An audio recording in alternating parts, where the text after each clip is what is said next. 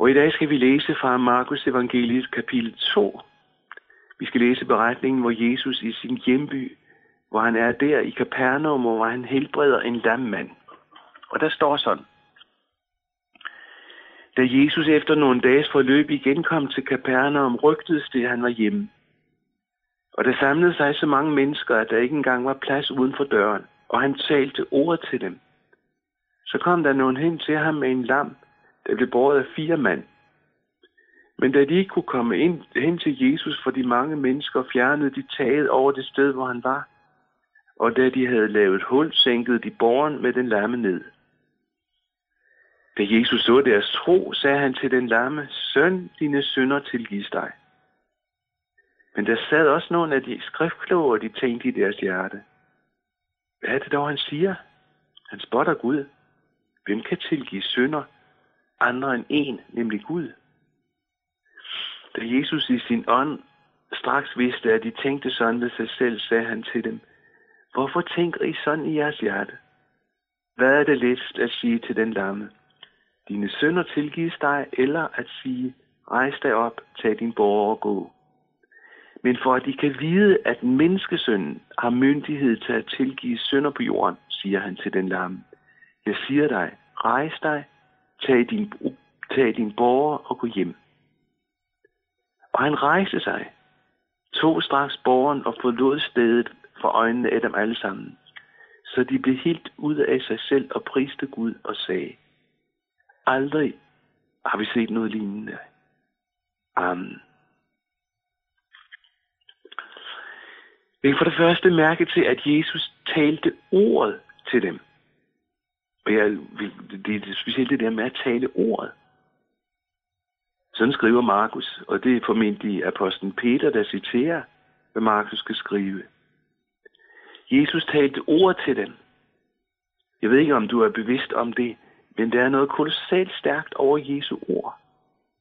Det er meget stærkere, end man forestiller sig.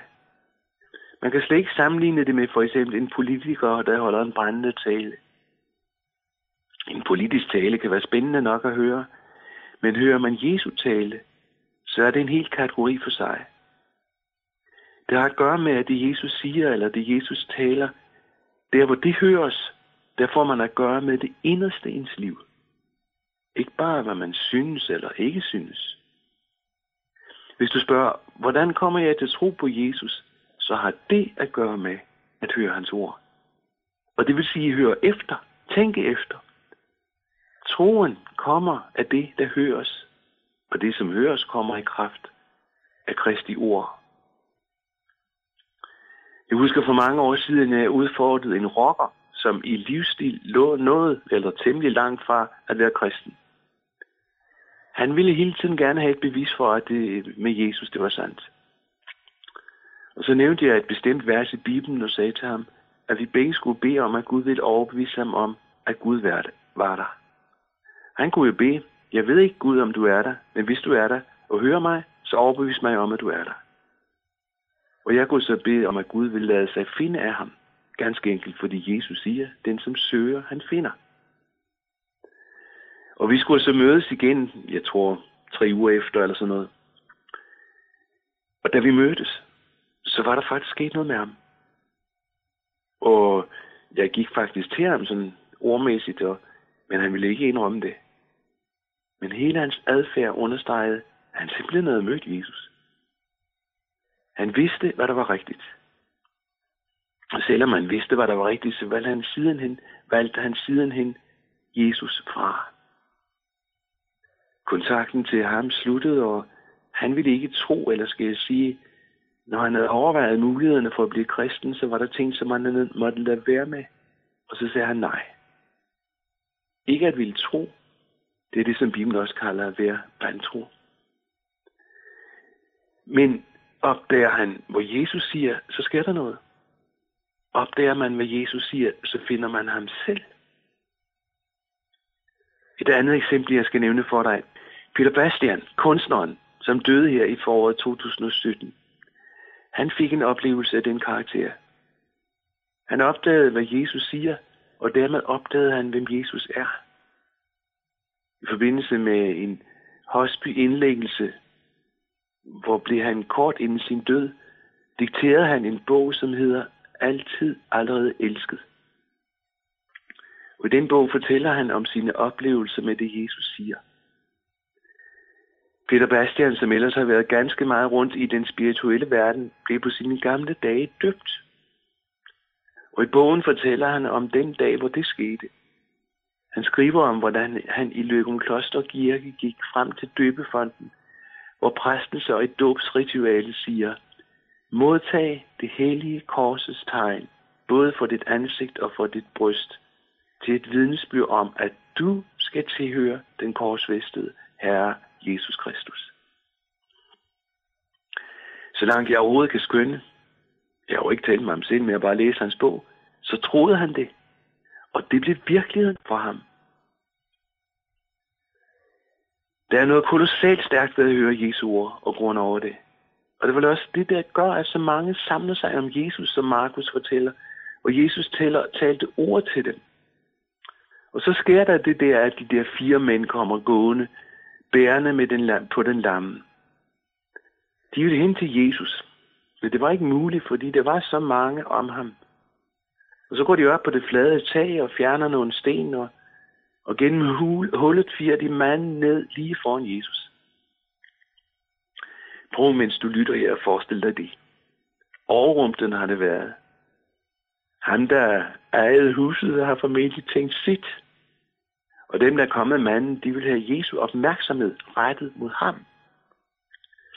Ved du, hvad det er? Det er bøn. Det er at bringe en anden helt ind foran Jesus. Jeg ved jo ikke, om du er et bedende menneske, du som lytter her. At bringe et andet menneske helt hen i Jesu opmærksomhed.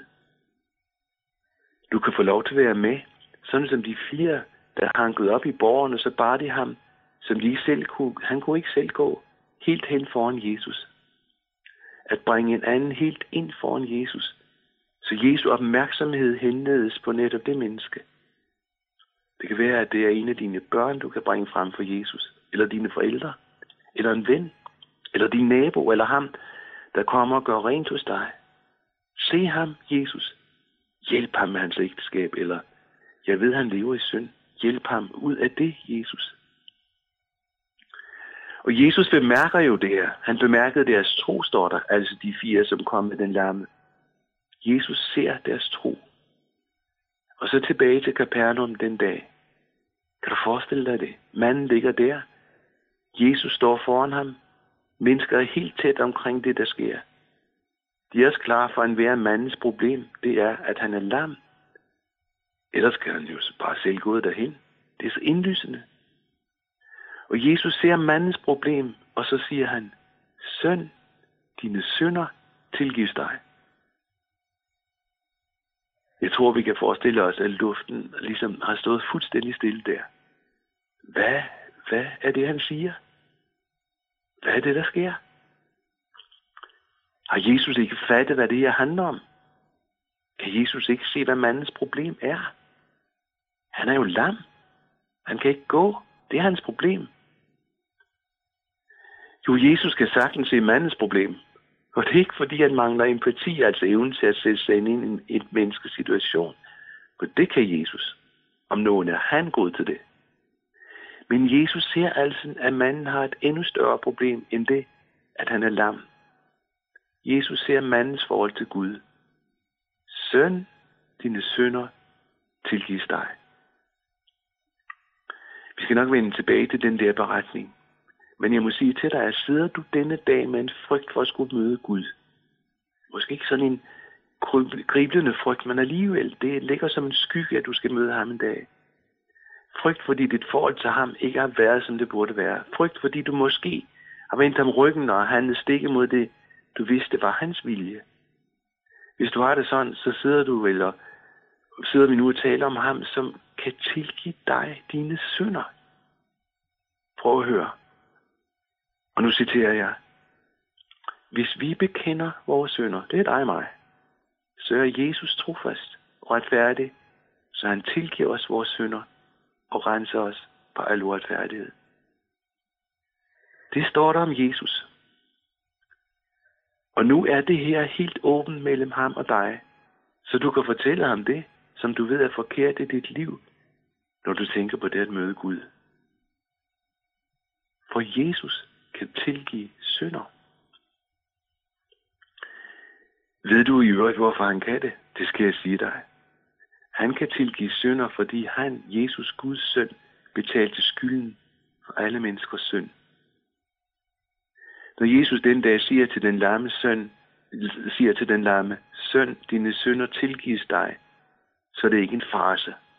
Så er det ikke bare for at vise godhed, men så er det, der ligger bag, at Jesus påtog sig ansvaret for alt det forkerte i den mands liv. Og så gik Jesus ind i mødet med Gud. Der står om ham, at han slettede vort gældsbevis med alle dets lovbestemmelser imod os. Han fjernede det ved at navle det til korset. Jesus tog altså den lamme mands skyldbrev, dets gældsbevis, og han tog det gældsbevis, som dit navn står på, og det som mit navn står på. Og så stregede han vores navn ud og skrev sit eget. Og så påtog han sig ansvaret for det. Og det betød døden for ham.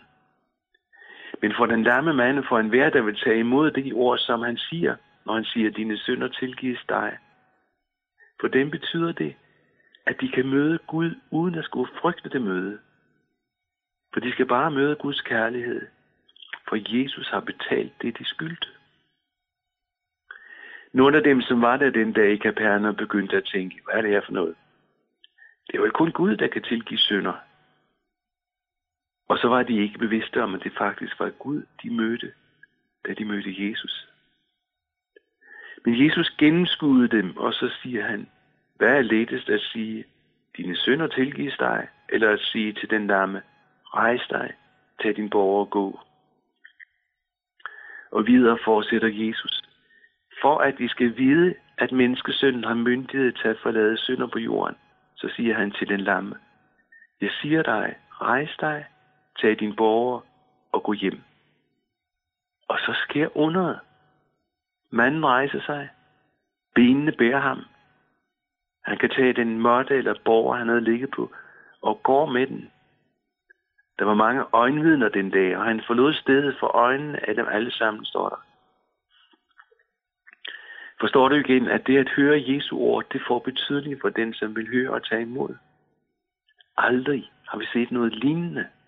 Sådan var reaktionen, da den lamme rejste sig og gik med sin seng. Aldrig har vi set noget lignende.